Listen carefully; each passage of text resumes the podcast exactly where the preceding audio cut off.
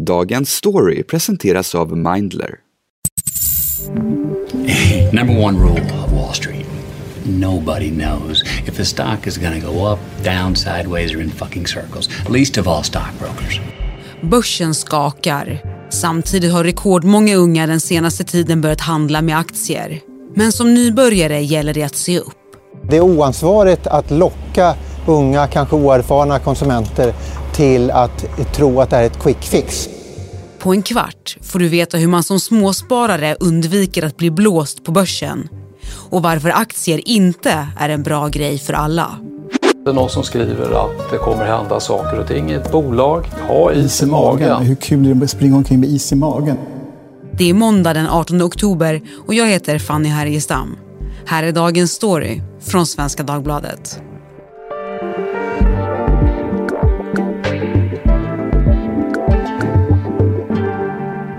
Andra Farhad, du är entreprenör, grundare av bolaget Börshajen och du sitter ju även i styrelsen för SVDs Affärsbragd som varje år ger utmärkelsen till en framgångsrik entreprenör. Andra, ditt senaste move på börsen, sålde du eller köpte du?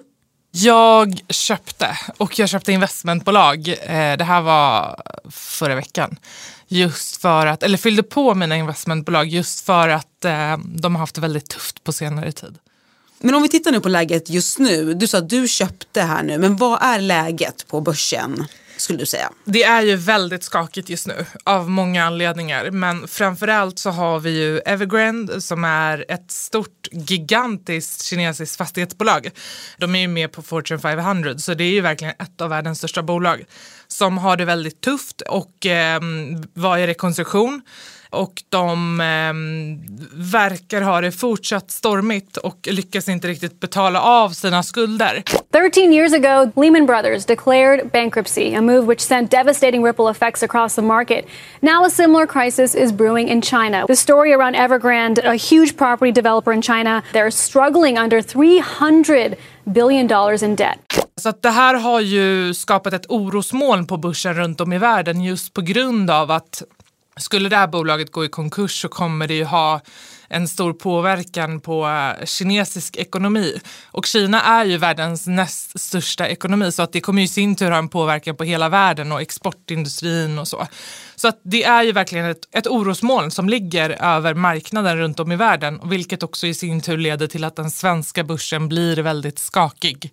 Eh, och då eh, har vi det här med Evergrande, men utöver det så har det också beskrivits som att det finns mycket risker i systemet just nu. Alltså vad betyder det? Ja, vi, eh, det är ju många som oroar sig för en konjunktur och man, det finns väldigt många oroligheter kring centralbankerna och hur de gör, hur ränteläget kommer se ut. För att amerikanska banker håller ju på och höjer räntan Eh, och då, det skapar ju ett alternativ för investerare att ha kapitalet på andra håll. Så att då är det ju många som plockar hem sitt kapital eller delar av sitt kapital från börsen. Så att det är sammanfattningsvis just nu, det är ju Evergrande, det är räntor och det är eh, oro för eh, konjunkturer som eh, påverkar börsen. När coronapandemin började spridas i februari 2020 fruktade många ett totalt haveri på börsen. Och mycket riktigt föll kursen kraftigt i början när många drog sig från att ta risker. Länder stängde ner och befolkningen hänvisades till att hålla sig hemma. The coronavirus pandemic has created such an economic crisis in the US that many Americans are now forced into raiding their retirement and savings accounts. Men regeringar och centralbanker världen över tog snabbt fram stora krispaket för företag och vräkte ut tusentals miljarder i stöd. En bidragsboost som fick världsekonomin att hoppa högt. Vi har ekonomierna i drogmissbrukare. Både centralbankerna och, och finansministerierna öser ut pengar. Va? Och istället blev utvecklingen på Stockholmsbörsen under pandemin en av de starkaste någonsin med en uppgång på över 100 procent till och med början på september i år. Men de senaste veckorna har varit betydligt skakigare den stigande inflationen och det krisande kinesiska företaget Evergrande är några av orosmolnen. En rad olika appar har gjort det nu enkelt att köpa aktier. Alltså rekordmånga nya aktieägare tillkom under 2020 enligt siffror som kom vid förra årsskiftet. Mer än tre gånger fler än 2019. Hur kommer det sig? Jag tror att det har mycket att göra med att eh, vi var i en period där världen bromsade ner lite grann. Eh, sen hade många inte möjlighet att konsumera på samma sätt. Vi spenderade ju väldigt mycket pengar på restaurangbesök och nöjen och resor och det kunde man ju inte göra vilket öppnade upp andra möjligheter för många sparare och många hade ju mycket pengar på kontot. Och intresset för investeringar på börsen började ju öka ganska kraftigt i sociala medier och det är ju där många unga håller till. Sociala medier är ju unga människors naturliga vardagsrum. Så att det var ju på grund av det som eh, intresset ökade bland unga, bland annat. Men jag tror att i slutändan handlar det om att det fanns ett överskott på kapital hos väldigt många. Och just det här med unga, alltså den åldersgrupp som ökade snabbast under 2020 var unga mellan 21 och 30 år. Och det här med just unga på börsen då, vilken roll spelar arbetsmarknaden här? Att det har varit skakigt för unga? Jag tror att man måste ha någon typ av inkomst, man måste ha något typ av kapital att kunna investera. Ehm, men eh, jag tror absolut att väldigt många har dragits med i ja, men hela det här med att ja, men många unga tjänar pengar, många unga eh, investerar väldigt mycket och eh, andra ser på och vill göra samma sak. Sen har vi också haft en börs som gått otroligt bra sista året. Så att det har ju också haft eh, sin effekt på det hela. Det har blivit vanligare med aktietips på sociala medier. Eh, du nämner sociala medier här eh, när det gäller börsen. Vilken risk finns det med sådana tips? Väldigt många. Eh, först och främst så tror jag att det handlar mycket om att man behöver vara försiktig. man ska hämta inspiration i sociala medier men man ska inte ta direkta tips. För man vet aldrig vem personen på andra sidan är i och med att många är ju anonyma idag. Eh, och man vet aldrig om eh, det här tipset är eh, bra eller om det bara är ren spekulation från den personen. Så att här handlar det väldigt mycket om att vara försiktig. Du kan absolut bli inspirerad men gör alltid en egen analys. Du har ju berättat om sådana här investerarscams. Vad är mm. det? Det är ju väldigt, eller så här, mycket vanligare idag än vad det var för tio år sedan. Just tack vare, eller tack vare ska man kanske inte säga, men just på grund av att investeringar på sociala medier eh, blir allt vanligare. Och det handlar ju mångt och mycket om att ja, men, en person har ett eget intresse och försöker driva upp en kurs i ett bolag där det inte finns jättehög omsättning på aktien.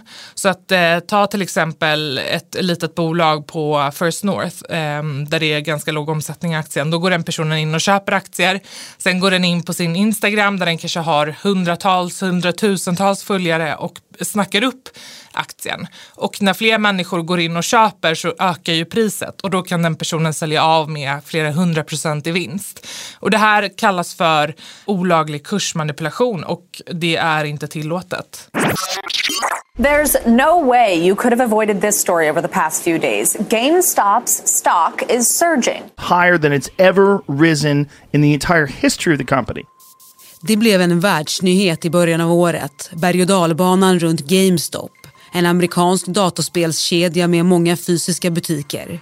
Över en natt blev aktien världens mest handlade och steg med svindlande 1700 procent för att sen störtdyka. Det hela handlade om ett nytt sätt att koordinerat försöka driva upp kursen på en aktie.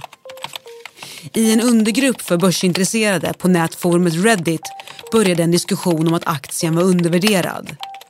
Samtidigt hade stora fondförvaltare satsat på att aktien skulle falla i värde, så kallat blankat den. Småsparare tog upp kampen mot de som spekulerat i GameStops nedgång genom att köpa aktier i stora mängder. Aktien steg och skapade enorma förluster hos fondförvaltarna. I don't care about the money at all. Um, I could lose everything and I'd be so happy because uh, I just love what's going on. Också många småsparare förlorade pengar i det kraftiga fallet som följde. I can't believe this was possible. It would seem to defy logic at every level, but it was really incredible. It shows the power of social media. Vad ska man då tänka på som ung, ny aktiesparare? Jaga inte snabba pengar, utan var långsiktig. Eh, ta inte tips från andra, gör alltid en egen analys och kom igång. Börja bara och sen ska man också komma ihåg att aktier är inte till för alla. Har du inte tid eller ett stort intresse då ska du inte köpa aktier. Då är det bättre att börja med fonder. Det har ju också blivit vanligare att ta lån för att göra investeringar på börsen. Mm. Är det en bra idé? Nej. Alltså, jag brukar alltid säga investera aldrig pengar som du inte har råd eh, att förlora. Och eh, absolut, det kan gå bra, men samtidigt går det inte bra, då sitter du ju där, du är inte bara på noll, du är på minus, du sitter med en skuld. Och det här pratar jag ju också väldigt mycket om i min bok som jag släpper snart, Haja börsen. Eh, om varför man inte ska belåna sig när man investerar. Men andra, det här med skuldsättning och unga, hur ser skuldsättningen ut bland unga idag? Ja, så nu när, vi, när jag och Frida Söderlund skrev boken eh, Haja så eh, hade vi en hel del kontakt med bland annat Kronofogden just för att få ut men, statistik och liknande. Och det visar sig att skuldsättningen bland unga mellan 19 och 27 år ökat med 10 procent. Alltså ansökningarna till Kronofogden har ökat med 10 procent på ett år. Det är väldigt mycket. Vad tänker du om det? Är fruktansvärt att behöva, vara, ja, men behöva börja livet på minus. Du har ju berättat att du blir kontaktad av många unga som vill hålla på med daytrading, alltså göra snabba pengar men att de är väldigt nya i aktievärlden och har låg kunskap. Vad riskerar man då med sån här daytrading? Ja, man riskerar ju framförallt att bränna sig. Det är ju väldigt svårt att daytrada. Och jag tror att många förväxlar daytrading med att investera på börsen. Att investera på börsen och vara långsiktig är inte samma sak som daytraders.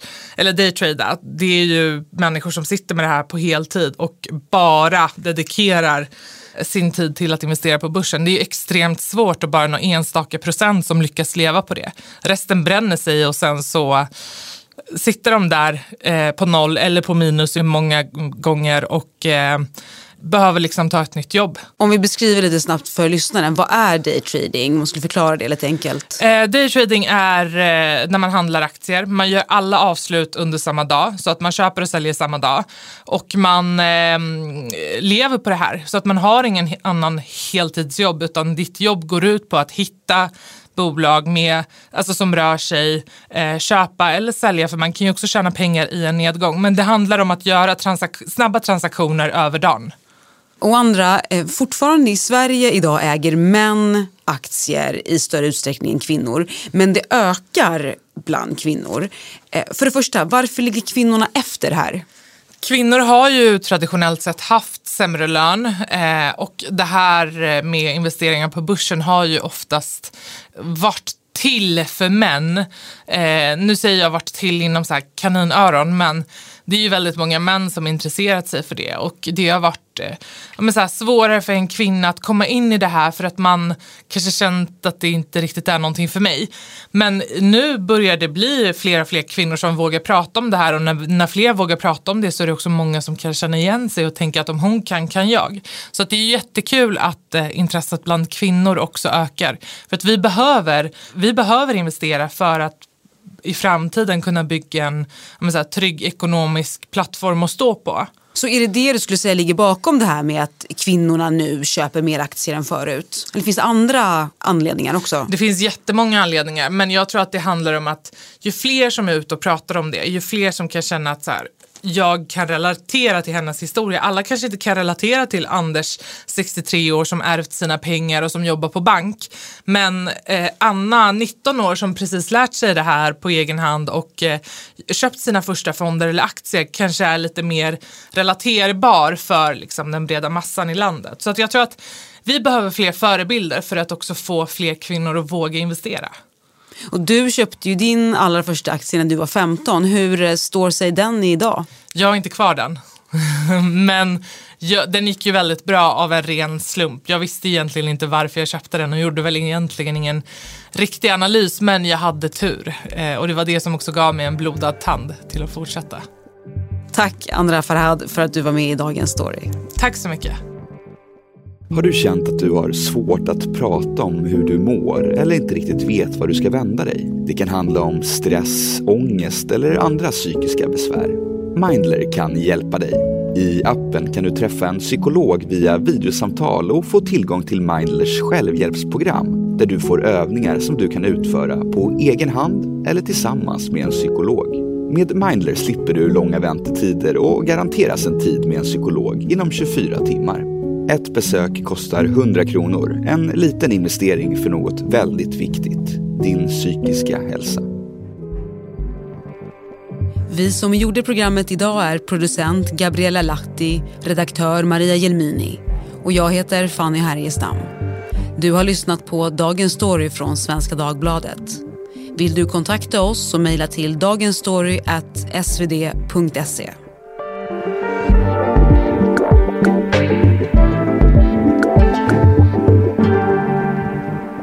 Ljudklippen idag kom från CNBC, Sky News, Powerful JRE, SVT, BBC, World Bank, Ekonomikanalen, Next Economy och så filmen The Wolf of Wall Street.